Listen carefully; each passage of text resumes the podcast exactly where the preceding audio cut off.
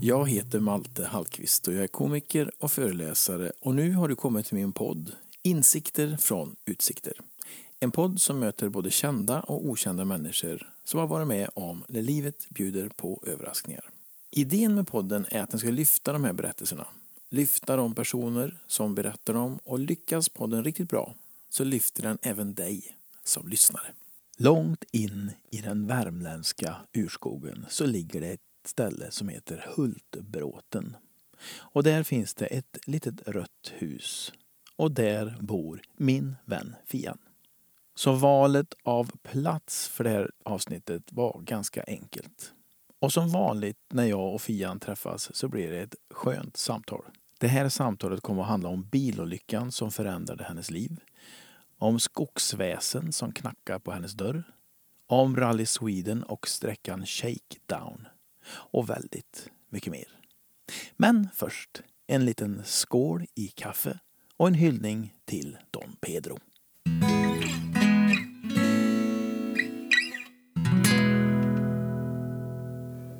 Jag tar lite kaffe, ja. Åh, gud, gör, jag gör också det. Ja, ta lite kaffe. Skål gamle vän och Skål. trevligt att du är här tycker jag. Skål i kaffe.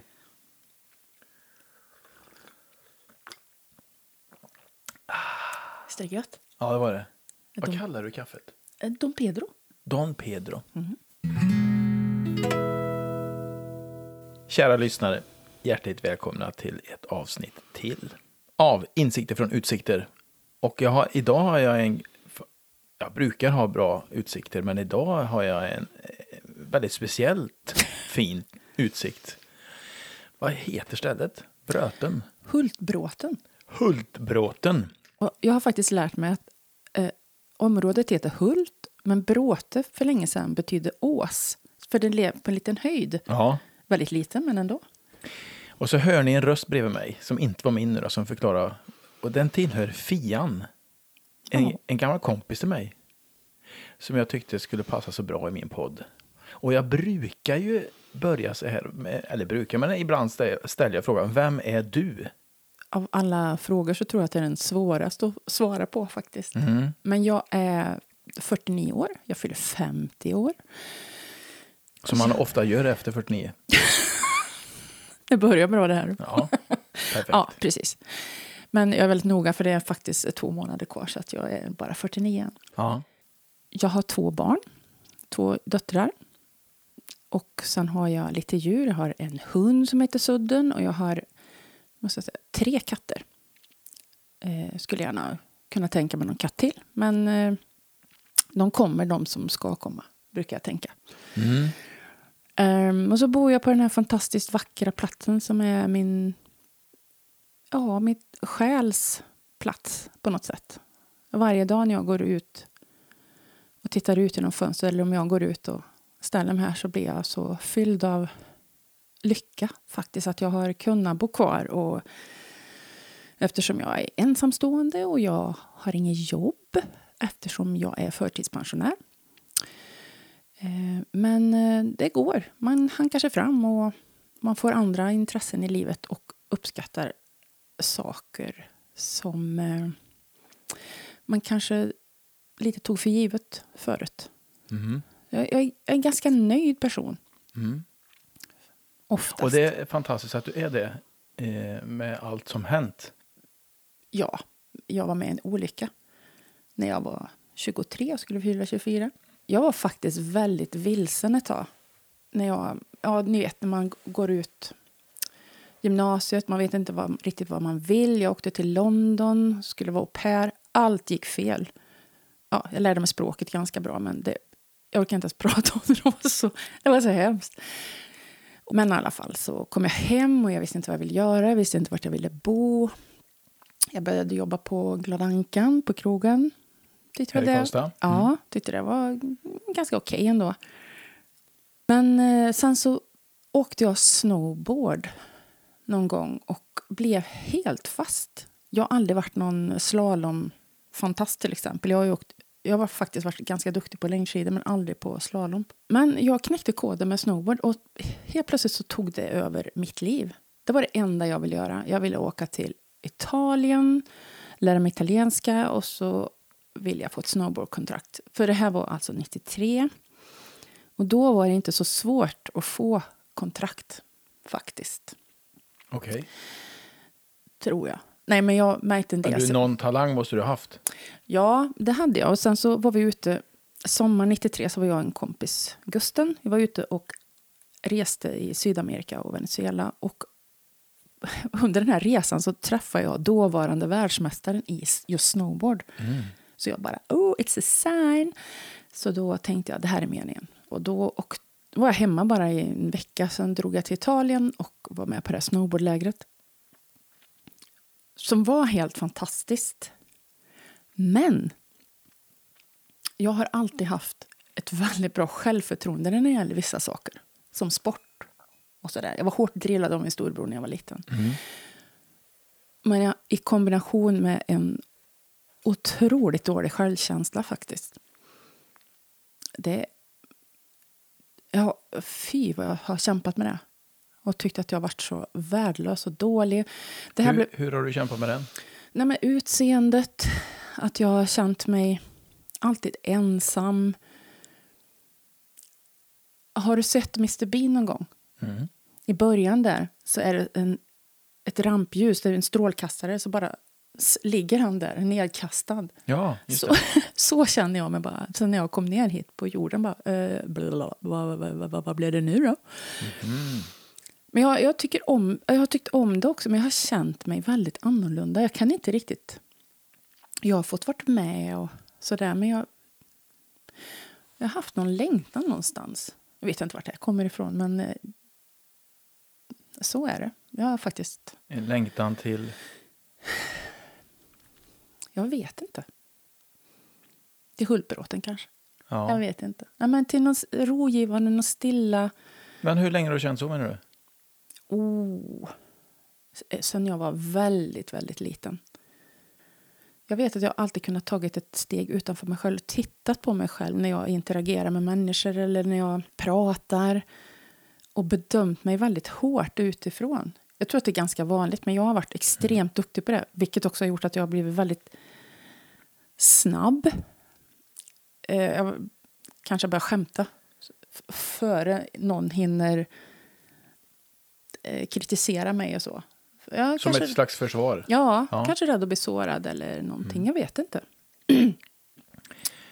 Det, det blev ett litet stickspår här, för ja, vi, var, vi var mitt i din... Eh, du var på något läger. Mitt eh, fantastiska snowboardkarriär på två ja. veckor. Ja, men ja. det är två veckor som en del inte får ha. Nej, Nej men det var fantastiskt. Men jag kände mig väldigt, väldigt ensam. Och jag kände mig utanför. Jag tänkte, vad gör jag här? Men det gick, det gick jättebra och jag ville ändå fortsätta och, på den linjen. Det här var i november 93. Och sen i januari 94, bara två månader efter då, så skulle vi åka iväg några stycken och åka snowboard i, eh, vad heter det, Branäs. Mm. Här är hemma i Värmland? Ja. Mm. Och jag hade jobbat jättesent och vi skulle upp väldigt tidigt. För det är ju en, ja, en 17-20 mil tror jag dit. Ja, det tar ett par timmar. Ja, jag har fortfarande inte varit där kan jag säga. Mm. Ja, nej men eh, jag somnade och sov ett par timmar och vaknade fullkomligt skräckslagen av att någon ruskade mig i axeln och sa åk inte för du kommer att krocka. Och jag, jag var så fruktansvärt rädd. Vem var det som väckte dig? Ja, men som jag luskat efteråt så var det någon, ja, någon skyddsängel eller sådär. Men jag... åter till den här dåliga självkänslan då.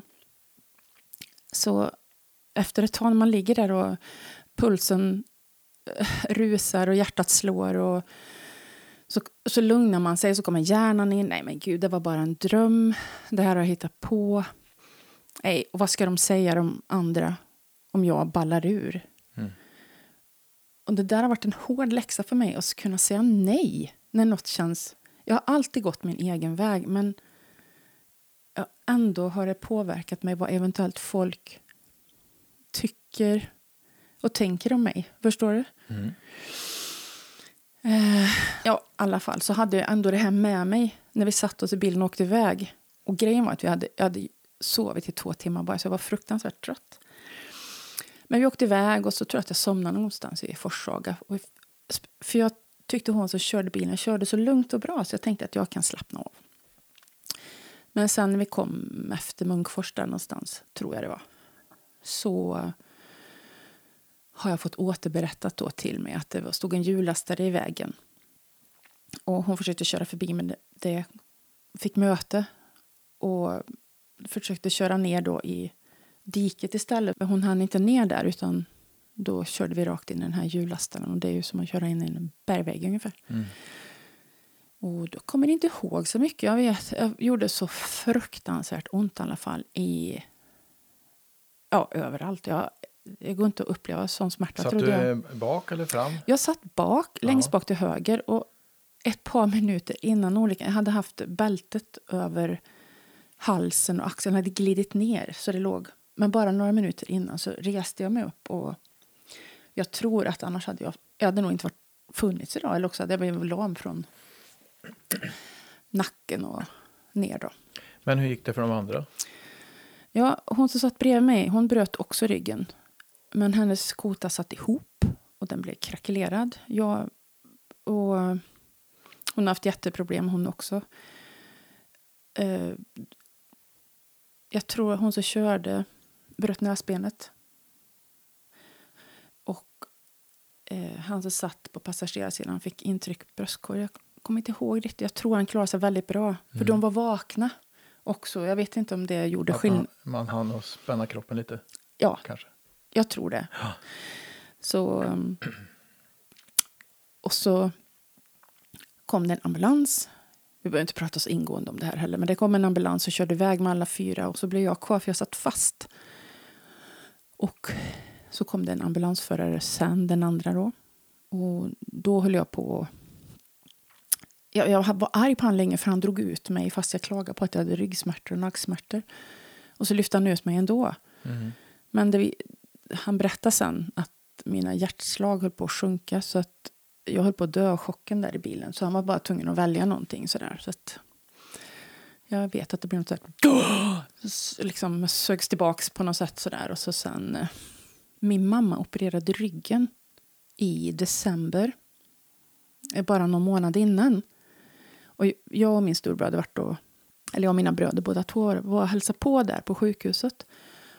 Och jag blev så dålig, det var det så att jag höll på att svimma när jag såg hur hon låg i sängen och hade något dränage från ryggen och sådär. Så att det visade sig i alla fall att jag skulle få samma säng då i samma rum.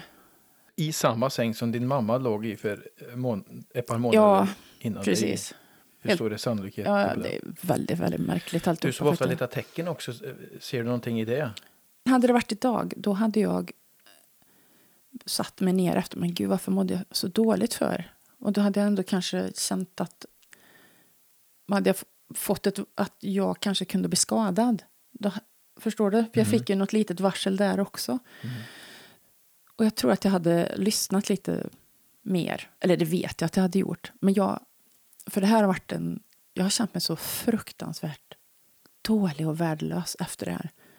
Det, och dum. Att det är rätt åt mig för att jag inte lyssnar på det där varslet då. Ja, du, du dömer dig rätt så hårt. Ja. Kan man tycka när man bara lyssnar på vad du säger. Ja, jag har blivit mycket bättre faktiskt. Men det här, jag, jag, jag gör det ibland. Och det har varit... Så efter den här Alltså de visste ju inte vad de skulle göra. Låg i samma skidbyxor i fem dagar tror jag. Och det var, ryggmärgen var liksom friliggande. För ryggkotan var helt av och så var det några andra både ovanför och nedanför som var vridna tror jag.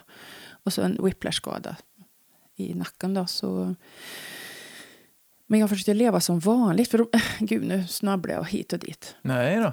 Men de opererade mig i Uppsala, en chans i alla fall. Så jag fick ju åka, ha den här vakuumpressade båren så inget skulle... Minsta lilla så hade ju skurit in i ryggmärgen och då hade jag blivit lam. Mm. Men eh, de snickrade ihop mig och sen sammanlagt så var jag på sjukhuset i tio dagar. Och så står hela livet eh, upp och ner. Och jag, Alltså jag, jag fattar ingenting. Nej, Så den det är inte så konstigt. snowboardkarriären som skulle ha blivit, det blev ingenting. Och sen, jag tror det, nu är det 26 år sedan. Men det tog nog ja, 24 år innan jag kom på att nej, men jag blir nog aldrig riktigt bra i ryggen. Faktiskt, det har tagit så himla lång tid. För jag har bara känt att man bara jag tänker positivt och åh, alla dessa jävla klämmiga råd från Facebook och Instagram och du blir hur du tänker. Åh gud, åh, jag, tänker att jag har ont hela tiden. Jag måste försöka skärpa mig här. Eller, mm. Alltså råd när man är sjuk eller råkar ut för ganska traumatiska grejer. Det har jag förstått. Kanske inte bara genom mitt eget liv, men när man har pratat med människor. Det är inte det man vill ha. nej, Vad vill man ha då? en kram.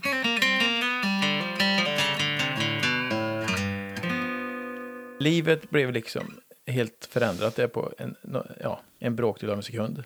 Mm. Snowboardkarriären försvann och kvar stod du. Va- Alltså vad är det som rusar i huvudet sen? Jag kan tänka mig när man är i, ligger i sjukhus och det är operationer och sånt. Det är mest ch- chockartat och det är svårt att Ja. fatta. Men vad händer sen när allting är, börjar ändå stabilisera sig och bli något nytt? Vad, vad tänkte du då? Jag försökte att allt skulle vara som vanligt. Jag försökte ju åka snowboard några gånger. Det gick ju inte så jättebra, men jag har ju tagit mig ner för backen några gånger i alla fall. Och, men det var ingen glädje i det längre. Jag försökte jobba på eh, krogen. Det gick inte heller. Sen försökte jag läsa och det gick inte för jag har haft så svårt med det här kognitiva och koncentrationssvårigheter. Och det är ju så när man får en whiplashskada, du åker fram i huvudet. Det är ju inte bara nacken som tar stryk utan det dör hjärnceller också. Så att när jag slog i huvudet där så... Ja, Vad ibland... får det för effekter menar du? Nej, jag hade jättesvårt att hålla, hålla en mening överhuvudtaget. Jag kunde inte åka ner på stan för det, det blev så... Det blev så mycket intryck så jag fick sån fruktansvärt ångest. Jag var tvungen att åka hem. Men det tog lång tid. Jag visste inte vem jag var, vad jag ville göra och vad jag kunde göra. Och jag tog mig i väldigt, väldigt många år att traggla fram till att jag hade man blir så efterklok och sådär. Men jag försökte att jobba 50 procent. För man vill ju ändå göra någonting. Och man vill göra rätt för sig. Och man vill ha arbetskamrater och man vill tjäna lite pengar. Och... Men jag tror det tog, nu ska vi se, ja det är nog 20 år i alla fall. Innan jag kastade in handduken och bara, jag orkar inte, här går det inte. Nej. Och gick jag hem. som har ändå stått och tittat på sådär Mm. från sidan. Du har ju verkligen försökt. Och det har varit eh, en hel del operationer och krångel med det. Och Ja, habilitering. Och. ja. Men hur skulle du vilja säga att ditt liv är nu då? Eh, men jag är, jag är ganska nöjd med mycket faktiskt. Det är väldigt skönt att, att ha en pension. Att jag får vara hemma. Jag kan, vissa dagar när jag inte orkar så mycket då kan jag sova länge och jag kan sova utan då- dåligt samvete på morgonen. Eh, jag kanske inte orkar vara med på fester och middagar. Jag har försökt att gå på dina föreställningar och det har inte heller gått så bra för jag får de här neurologiska Just det. eh, Du kommer till kön. Ja, jag kommer till kön för att vända och åka hem. Ja, men inne i mig så mår jag ganska bra. Jag är ändå... Det kanske är att man är halvvägs till hundra nu. Och jag orkar inte hålla på och ha dålig självkänsla längre. Det är som det är. Och det kunde varit värre. Och jag kunde säkert vara bättre på många sätt. Men jag, Ganska skönt att kunna ringa in det, är det inte det? jo. Från att tyckt att man är en värdelös bajskorv till att tycka att man är en ganska bra bajskorv. Mhm. Tycker jag. Skulle du säga att det är det du har lärt dig? Jag tycker eh, eh, så här. Mm. Det är ju lite synd att man ska behöva bli 50 år innan man kommer på att Ja. man duger som man är. För det har man sagt och hört sen man ja, jag vet. ja, kunde prata i stort sett. Men att det liksom sätter sig inte i kroppen förrän man... Jag kan nog Mm. ta det i hand där. Jag har Ja. inte alls haft samma resa med en kropp som har blivit skadad och krånglat. Och, men ändå, ja, när jag blev 50, eh, liksom, eh, det- är inte så noga Mm. Nej. om inte alla gillar mig eller eh, vad folk säger. Och att jag faktiskt får välja själv hur jag ska må. Det är ju väldigt skönt, speciellt för dig som ändå är så synlig och Mm. har podd och du har föreställningar och allt möjligt. Men jag är ju hemma här. Jag kan ju ändå... Jag behöver inte bry mig så mycket om vad folk tycker för det, jag bor ute på landet själv. Men Mm. du, du är ännu Jo, det är modigare. sant. Det är sant. Men ändå så är det ju för självförtroendets skull väldigt skönt att man, att man accepterar sig själv. Ja. Men jag tror att det går i lag. Vi människor, jag ska inte säga vi människor, men många i alla fall kämpar väl med någon slags dålig självkänsla i någon period i alla fall. Och då är det som att det går i... Att man är som en lök, att man skalar av en liten bit och så har man tar bort en del av en som man inte vill ha längre och så, så är man rätt nöjd med den här löken och så skalar man av en bit till och så... Ja, nu låter det som att det inte blir någonting kvar här, men Jag, jag satt också och väntade på Ja, vad, vad och längst in i löken är det en diamant. ja, men, Vad fint. ja, tack, jag är jättenöjd. Ja, men jag, kan, jag kan köpa bilden att man... Ja, för man har ju inte dåligt självkänsla varje dag Nej. i de här, mellan de här löklagren. Utan det är ju under de här 25-26 åren så har jag haft bra stunder också när jag känner att fan, jag är inte helt värdelös. Utan när det har varit bra. Men jag känner att jag har fortfarande dagar när jag känner sådär. Men då kan jag ta mig ur det på något sätt. Jag vet att nej, men det där är bara mind games. Jag behöver inte hålla på och bråka med mig själv längre. Det låter ju otroligt vilsamt. För det är ganska mycket energi, Anna. Det är sånt energiläckage. Ja. Jag kan säga att så här, att hade du frågat mig för tre, fyra år sedan om jag ville vara med i en podd, då hade jag, jag hade nog tackat nej. Eller jag hade nog kanske varit med och så hade jag varit fruktansvärt nervös och blivit i huvudet. Men jag, jag orkade inte bli nervös nu, utan jag kände att nej, det är Malte min kompis och vi har känt varandra så många år. Nu är det en god stund bara. Jag behöver inte tänka på ifall jag pratar för mycket värmländska eller ifall Eller jag dra för mycket snor. eller... Nu har jag gjort min sista operation i ryggen här, hoppas jag i alla fall. Nu, och sjätte, det var en riktig pers här i julas. När jag fick operera mig tre gånger på en månad, det var inte så roligt. Så jag varit väldigt dålig. Men nu känner jag verkligen för varje vecka att jag blir lite, lite bättre. Så skönt. Ja, och att jag också kan sluta vara så fruktansvärt ambitiös som jag ska vara ibland. Ja, vad ligger i det, tror du? Ja, det är den där tävlingsinstinkten och allting. Och att man ska Vem göra tävlar rätt du för. mot? Ja, den som ställer upp. All, alla? Ja, men vad, Nej, jag tävlar vet. du, vad, vad tävlar du i för något? Ja, men det är ju det. Det är ju ingen egentligen. Utan det är det där att jag hoppar utanför mig själv och sätter mig liksom. Nu, gör bättre nu eller kom igen nu. Och, Och då tänker du på trädgård eller vad? ja, allt. allt. Vad jag än gör så ska det vara så fruktansvärt bra. Och, eller, men nu kan jag... Jag måste ta det lugnt nu. För min rygg måste läka så gott det går nu. För annars så blir jag aldrig bra. Så jag, jag tar det väldigt... För det blir ingen mer operation. Nej, det får jag verkligen hoppas. Uh. Så kort sagt kan man ju säga att efter alla turer med verk och operationer så sitter du här på Hultbröten Ja, och mår ganska bra. ja, jag tycker det. Grattis, vad skönt. Tack. Vi sitter alltså hemma hos Fian, en kompis till mig, på Hultbröten. En bra bit in i skogen kan jag säga. Vid Alsters kyrka. Jag brukar fråga, eller ställa en fråga så här, vi sitter ju ofta och tittar ut genom fönster eller ibland sitter vi utomhus i mina poddar också. Men vad känner du när du tittar ut? Vad är det för känslor du har? Jag har två känslor. Jag känner en... ehm, jag känner en väldig lycka att solen är framme, att jag får bo på landet. Att det är massa växtlighet, att det är öppet. Och jag känner tacksamhet att jag får bo här. Men så kan jag också känna att gud i himmel vilka skitiga fönster. och att den där laggorn har rasat och det ser lite brötigt ut. Men jag väljer idag kan jag välja att bara känna tacksamheten. Så jag gör det. Mm.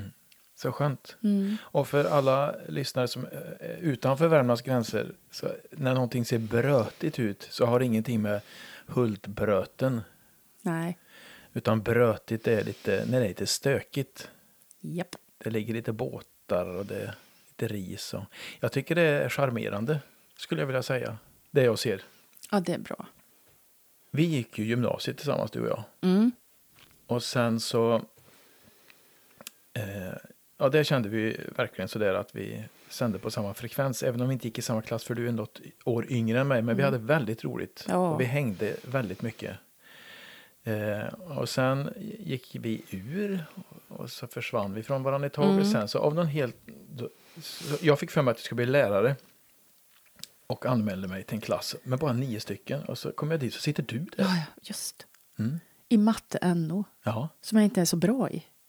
Hur tänkte du då? Jo, då tänkte jag, åh, jag blir så trött på mig själv. Jag är ju humanist, jag har ju varit bra på språk och så här. Men då tänkte jag att ja, men om jag lär mig matte ordentligt, jag har ju gått tekniskt, men då kanske jag förstår mer hur ungdomarna tänker. Så jävla pretentiöst. Mm. Men så tänkte jag. Och det gick ju inget bra, jag orkar ju inte. Gud vad tråkigt. Nej, du hängde inte kvar så länge. Mm. Ursäkta mig. Nej, det En och en halv timme, eller vad säger jag? en och en halv timme. Sen, tack, tack för mig. Nej, det känns inte rätt. En och en halv termin i alla fall. Ja, Mm. Tyckte jag var bra. ja. Ja, jag hängde i hela vägen. Ja. Eh, och så kom jag på 17 år senare att det här skulle jag inte ha gjort. Men fast du kanske har användning för det i det du gör. idag. ja, Mm. sant. Jag har övat mig mycket att stå framför folk och vara snabb i käften Ja. faktiskt. Ja. Mm. Eh, jo, men eh, sen så gick det ytterligare några år efter du hade gjort din korta sejour som eh, lärarstudent. Så Mm. tappade vi kontakten igen.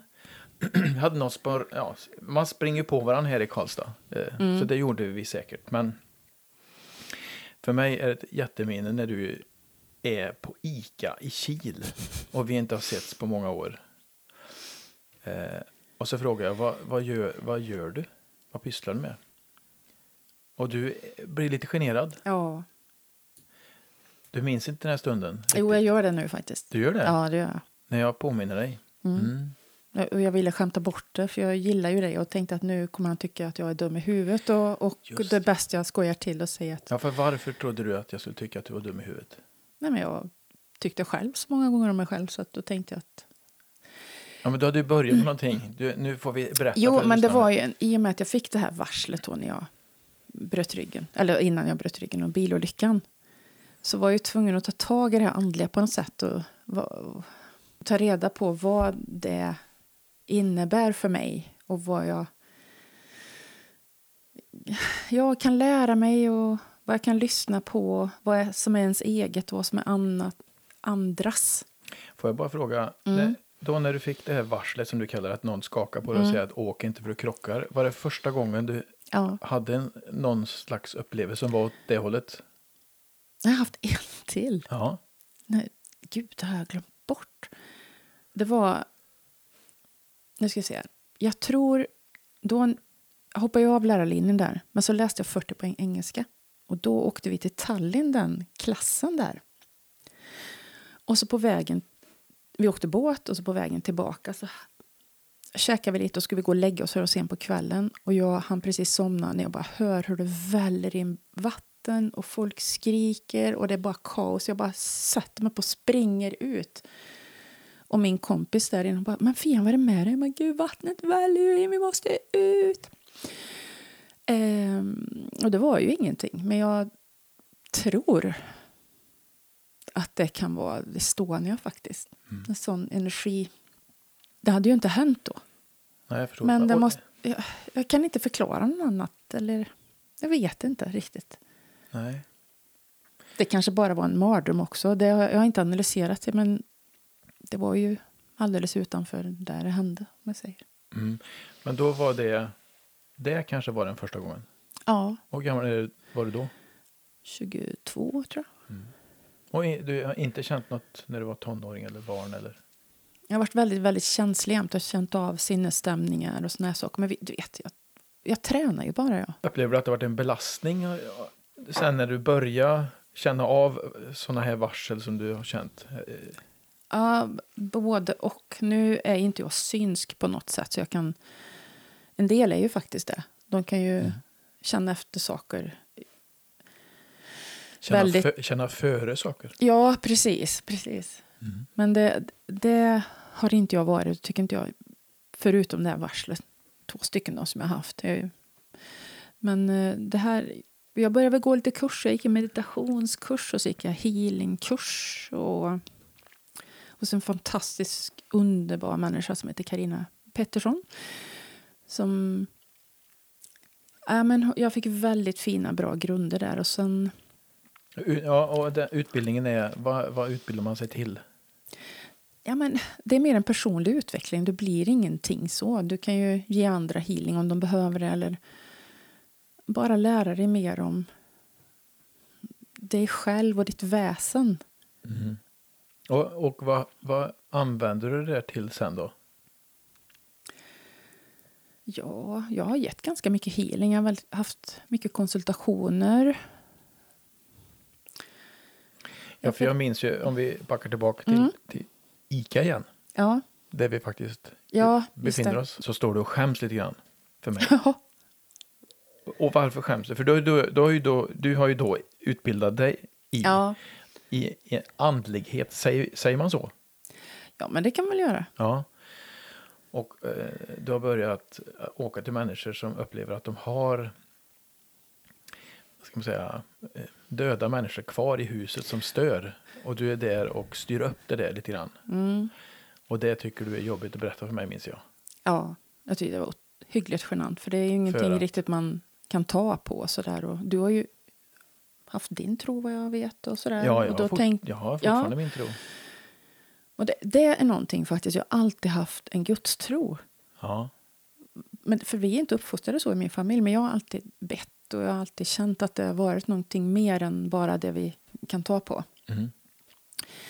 Men jag gick de här flera år i alla fall, men så började jag gå lite andra kurser som kändes bra i början, men som jag brände ut mig faktiskt. Jag, man skulle göra så mycket och det... Jag skulle rensa i hus och jag skulle...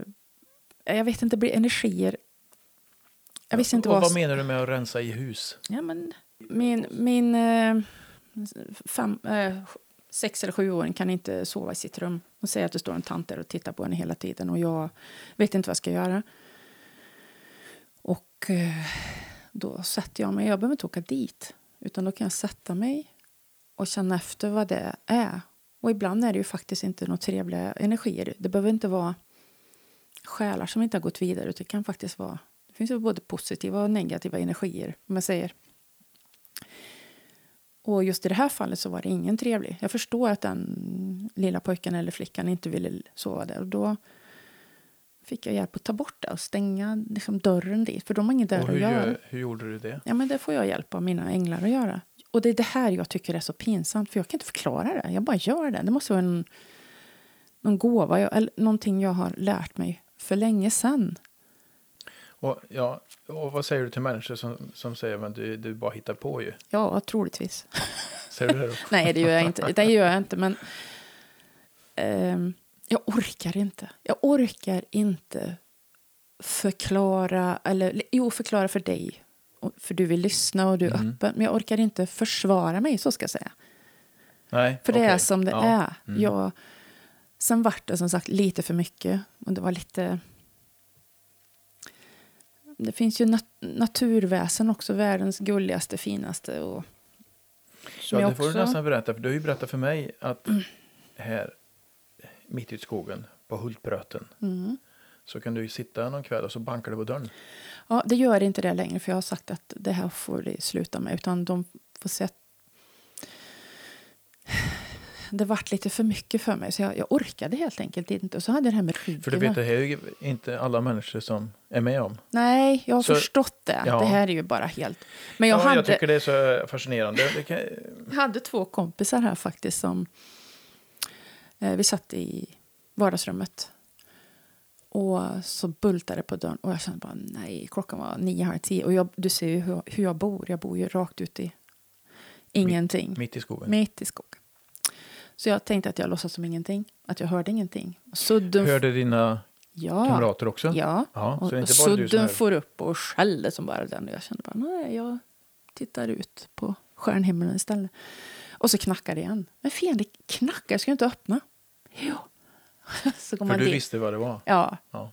Och så gick jag upp och då, då, då fick jag ju blunda för att se något. Är det så man gör? Ja. För jag ser inte så där som en del gör. Men jag, jag kommer faktiskt inte ihåg riktigt vad just det var då. Men det var någon... Det var något med någon naturen mötte. Var någon dålig balans någonstans och de ville ha hjälp då. Eh, så då fick jag göra det och då var jag jättegenerad för de som satt där inne. Men de hörde ju att det knackade så de, de tror ju på det så. Men Men du har ju berättat för mig att du har haft skogsväsen som, som knackar på och så kommer de in och sitter i en soffa här. mm, Och så pratar ni engelska. ja, just ja. Jag vet inte varför, men det kanske är bara jag som tycker det är roligt att prata engelska. Mm. Så eller också Ja, är det något det- universellt språk som alla har. Jag kan inte förklara det. De pratar naturligtvis telepatiskt, eller vad jag ska säga, så att man får en känsla. Och så. Jag har ju fotograferat bland annat naturväsen och jag har suttit i skogen och lyssnat på vad de vill säga och skrivit ner. Och så har jag ju haft en utställning, en fotoutställning och så har jag gjort en liten bok. Och då kom det på engelska. Och jag vet inte varför riktigt, om det är för att det låg mig nära hjärtat. Jag tycker engelska är ett väldigt vackert språk och så är det mycket möjligt att det är jag som har sådär. Men det är deras ord. Jag är inte så bra att hitta på sånt där alltså, så det är så otroligt vackra dikter och kloka ord. Så du har fått varit eh, pennan åt Ja, precis. skogsväsen. Ja, Vilken ära. verkligen. Jag är ohyggligt tacksam faktiskt. Om ni hör någon som tassar bakom så är det hunden Sudden som kommer. Nu ska han hälsa på mig. Hej! Jag undrar om vi är klara snart. Ja, vill du säga något? Nej, det är bara skälla. Okej. Han tycker det är spännande med väsen och sådär. Han pratar ju väldigt mycket med dem. Kan ligga och... Jag kan se någonting komma och gå i vardagsrummet sen en liten figur och då ser jag att han följer den med blicken han också. Så då ser ni samma sak. Ja, men jag... Vad, vad är det för figur du ser då? Är tomtar eller? Vad? Ja, det kan det vara. Ja. det Har du kan vara- tomtar här? Ja, det har jag. Hade en jättefin som bodde i ladugården men nu är den riven. Jag vet faktiskt inte vart han har flyttat. Mm. När du säger att han var fin, vad, vad är det som... Nej, men han, var- han var fin. Alvar hette han. Han var fin i hjärtat. Så. Och hur, hur får du reda på det?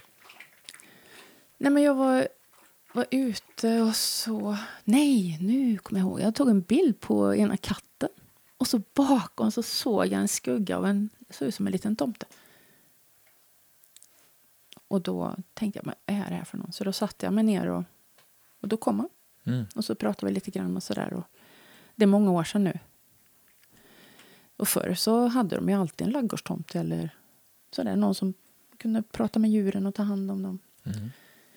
För mig har det blivit nu en helt naturlig del av mig istället för att man bara håller på med andlighet och så åker man hem och så är man mamma. Utan det är en integrerad del av mig. Förstår du vad jag menar då? Det är, Mm.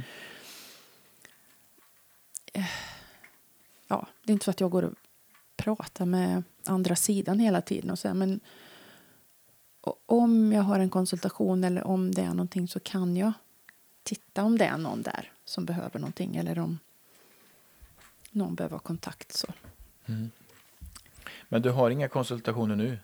Nej, ja, Nej. faktiskt inte det. Det kanske kommer senare, men ju- ja, inte nu. Du var ju hemma hos mig. Ja, hur blev det? Ja, det blir, ja, vi kanske ska berätta vad det var då. För att jag, Ja, just det. Ja, men det var ju, jag upplevde att det fanns någonting på övervåningen eh, hos mig. Och så visste jag att du var en sån som kunde känna av det. Så jag ringer dig Mm. och, och, och frågar. Jag, jag, och sa just det där att jag känner att någon iakttar mig. Mm. Och det, det är så starkt. Ibland kunde jag känna att det nästan stod bakom axeln. Eh, Och det var, jag kanske inte blev rädd direkt, men det var något obekvämt tyckte Ja. jag. Vad är det för något? Och du kommer... Eh, och jag tyckte det var ju så intressant för då gick vi på övervåningen. Och så ställde jag det medvetet på ett ställe. Där jag, känt, har känt det så väl. För jag sa ingenting till dig. Nej. Och jag minns så väl att när jag ställde det så är det oj. Och då frågade jag vad är det? Här var det mycket energi. Okej. Mm. Eh, och sen så tog du fram din bok och en någon slags genomskinlig sten. Men sån där? Nej, vart Har du en sån här? Liggandes i Ja. köket kanske? Jag hade nog en pendel då, tror jag. Ja, Den precis. där. Ja. Ja. Ja. En liten... Det ser ut som en liten kristallkula kan man säga. Kan man säga? Ja. Och så hängde du den i fingret och så snurrade och krånglade. Och... Ja, Och så gjorde du det nej, får jag en sketch i huvudet? Jag vet Ja, men en du gång. gjorde en sketch av det också. För det, och så började du bläddra i någon pärm och du, du, du gjorde en sketch också. Ja. För, Man vill ju multitaska. och kom fram till att det då var två personer som hörde till min frus släkt. Och så beskrev du hur de såg ut. Och sen gick jag ut och promenerade med Helena vid något tillfälle och, och frågade. För jag misstänkte vilka det var. Ja, okej. Jag- inte- Sånt här kommer jag inte ihåg. Nej, alltså, jag, jag kommer ihåg att jag var där och men jag kommer ju inte ihåg sånt där. Nej, eh, så frågade jag Helena hur de såg ut. För du beskrev med glasögon eller hur det var. Och Helena, och då hade jag inte sagt någonting. För Helena tror inte ett dugg på det här. Nej. Jag kommer ihåg vi hade med henne på övervåningen. Hon gled ner. Ja. Hon sa tack för mig och försvann. Usch, och så är det första gången jag är där så vill jag bara att hon ska tycka att jag är jättesnäll och bra. Ja. Var det bara konstig spökjagare. Scooby-Doo. Mrs. Miss Trelawney eller vad hon heter i Harry Potter. Mm. eh, jo, men då stämde ju den här bilden. Och sen så vid något tillfälle så var jag i ett förråd som ligger där uppe. Och öppna. Eh, och då var det fullt med rök. Usch. Så cigarettrök. Ja, ja, det kan vara typiskt. Eh, och så blinkade jag någon gång så var jag borta. Och tänkte, vad, vad hände? Vad såg jag där liksom? Och så ring, kom jag ihåg att jag ringde dig.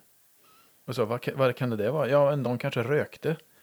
Och då frågade jag Helena. Ja, han rökte.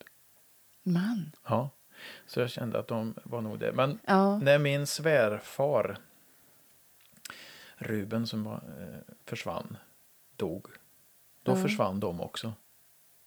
Så jag har inte känt av dem sedan dess. Nej, okej. Men varför, varför, hjälp, varför var de kvar? Fick jag inte liksom... Ja, det vet inte jag. Nej, gud vad vad konstigt det lät. Men då, då ville de väl någonting? Sådär som... Jag vet eh, inte om de ville vaka över för att eh, Så är för mig att det var. Ville de inte det? de ville vaka över Helena. Ja. Helena. Just det.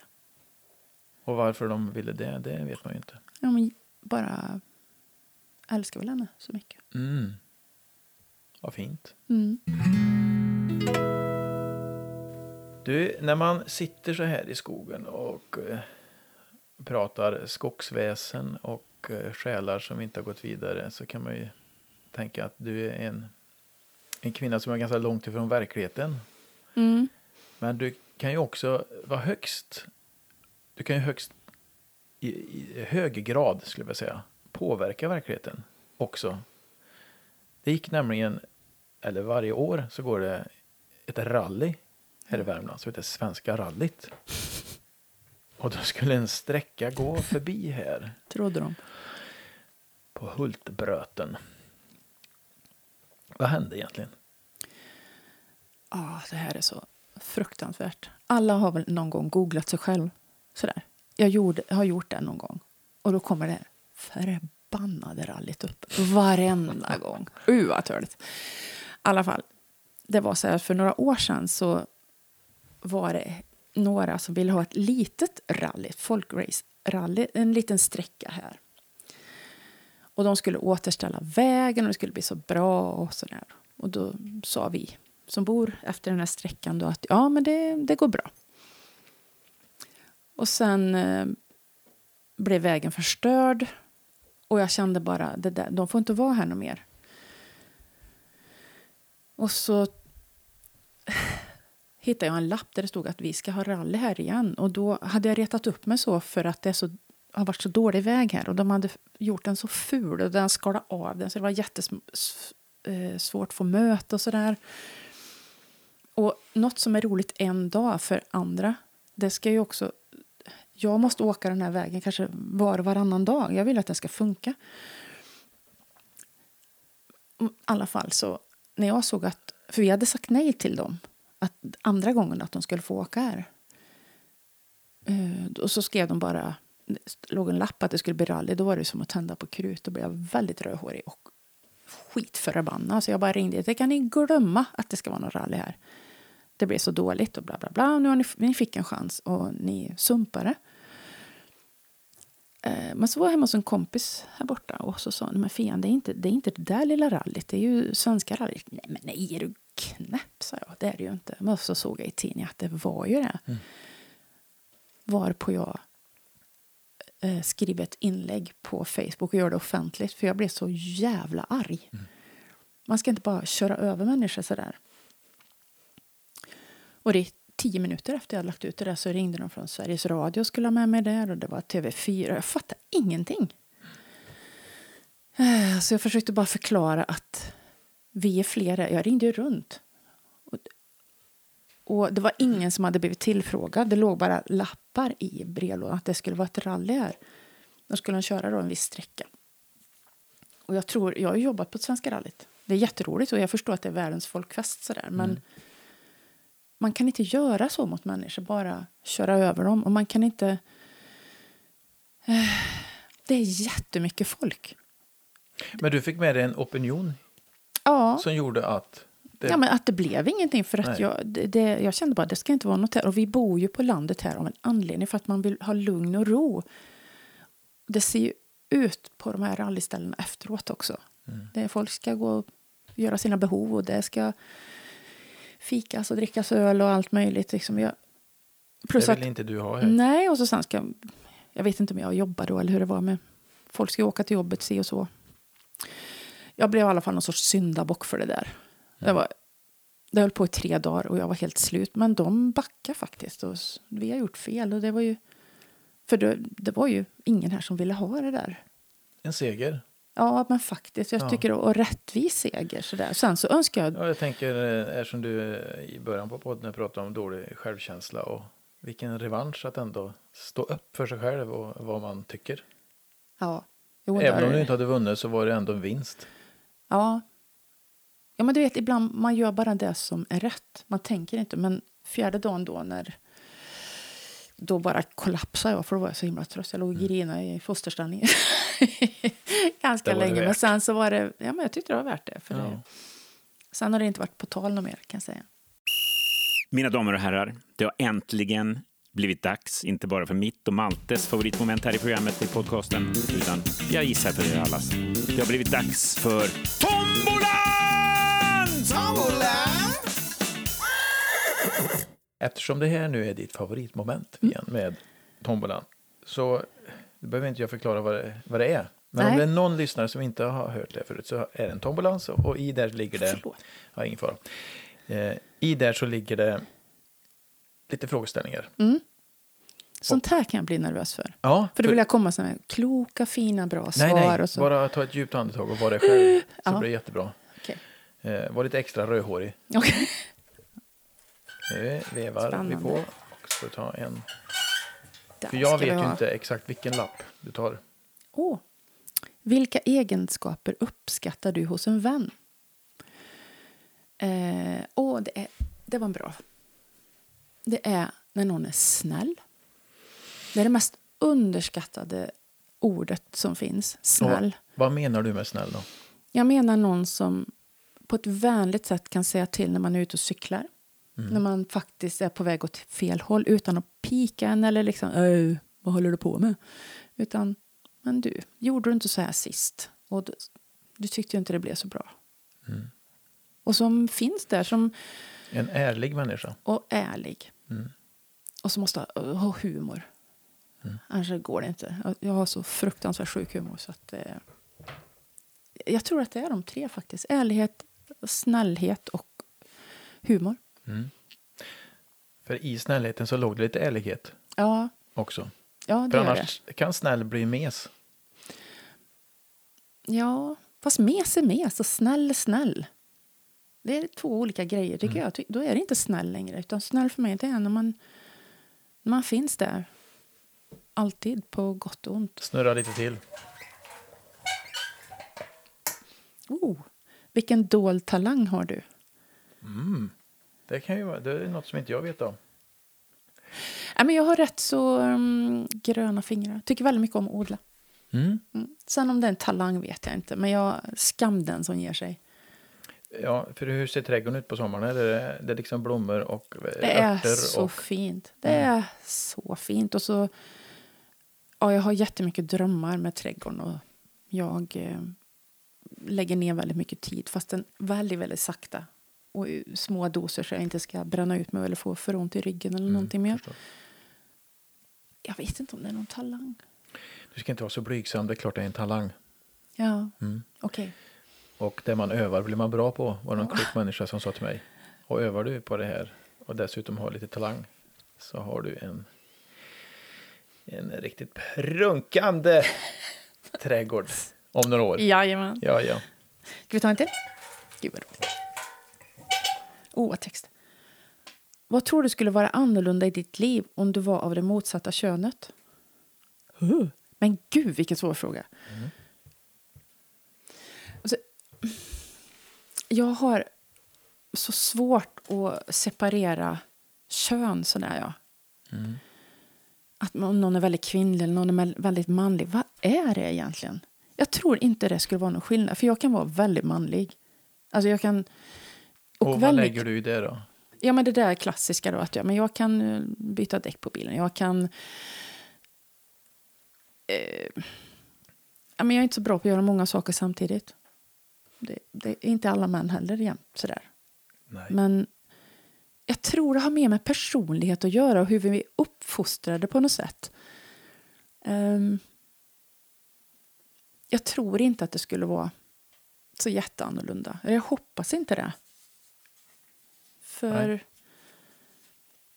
man är den man är. Det spelar ingen roll om du är man eller kvinna egentligen. Förutom att samhället har en annan syn på, på en om man är man eller kvinna. Men jag skulle inte ha det. Jag tycker det är ganska oviktigt. Mm. Vi tar en sista. Vad är du rädd för?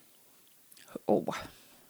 Jag är ju som lilla Nasse ibland. Kära någon. Sådär. Ja, det är... Och vad är det som du är rädd för? Ja, då? men jag kan... Åh, det här... De här ryska dockorna, vet du. Så här, Gud, tänk om det är någon... Tänk om det blir så. Och så öppnar man huvudet på den här ryska dockan och så... Åh, gud, det var en där i. Och så... Men tänk om det blir så där. Och så håller jag på så där tills det Kan du förklara vad du menar? Nej, jag kan oroa mig för... Det kan vara framförallt mina barn, som det egentligen går väldigt bra för. Men jag... Att det ska tas ifrån mig, eller mina djur, att de inte är lyckliga. Eller att jag inte ska ha pengar så det räcker. N- när jag var som sämst nu efter de sista operationerna här i julas så var jag så dålig. Så jag sov liksom i nästan två månader. Så jag orkade inte vara orolig. Det var så fruktansvärt skönt. Och sen blev jag bättre. Och pi- lite piggare sådär. Och då har det där smugit tillbaka. För då har man mer tid att tänka. Och jag kunde ju inte oroa mig för jag kunde inte göra någonting åt det ändå. Jag fick ju bara acceptera bara. Så jag försöker inte vara rädd för någonting. Mm. Hur går det? Nej men ibland går det bra. Mm. Och ibland... Nej men som innan du skulle komma nu. Så, ja men det har jag ju sagt, går jag på. Att eh, det är så lätt att bli rädd för vad folk ska tycka när de hör min Mm. röst eller hör min berättelse eller vad det nu är. Eller att jag pratar för mycket eller för lite eller... Det, var- alltså det, det du är rädd för känns det som att det är i så fall framtiden. Ja, det är det. Ja. Och så finns egentligen inte det, framtiden och nuet och dåtiden. Tydligen så här är det en sån här grej. Så att det finns bara nuet. Allting sker nu. Fattar du? Jag fattar inte. Men så är det. Ja, och när du var dålig så orkar du bara med nuet. Ja. Och det var otroligt befriande. Å andra sidan så hade jag bara den här smärtan och tröttheten. Och Ja, där vill är- man ju inte ha. Nej. Så Eh. man får rensa sinnet och... Men jag har eh, i ett annat avsnitt pratat Mm. med en gäst om det här med nuet. Så vilsamt det är när man lyckas. Och det kan vara en lång promenad ibland eller Ja. eh, att man får gråta ut. Mm. Eller vad det nu är. Stå på scen. Meditation, bön, ja. droger i vissa fall. Det är, Ja. ja. ja, men Jag- vi, vi ja. människor har alltid sökt nuet. För det, i där finns det vila. Precis. Och det, Och det låter så lätt. Lev i nuet. Men det är det absolut svåraste. För vi, när vi är människor, alltså, och det är vi ju, så har vi den här hjärnan att tänka med. Och den, den kan skapa så mycket. Om alla rädslor förs, försvann i hela världen, då skulle vi få världsfred så fort, Mm. tror jag. Men det är så mycket rädslor och så blir det ilska och så blir det... Mera nuet, mindre rädslor. Mm. Nu ser jag på det att du har väldigt ont i ryggen. Men jag har så trevligt också så att det behöver inte tänka på. Mm. Men vi kanske ska runda av.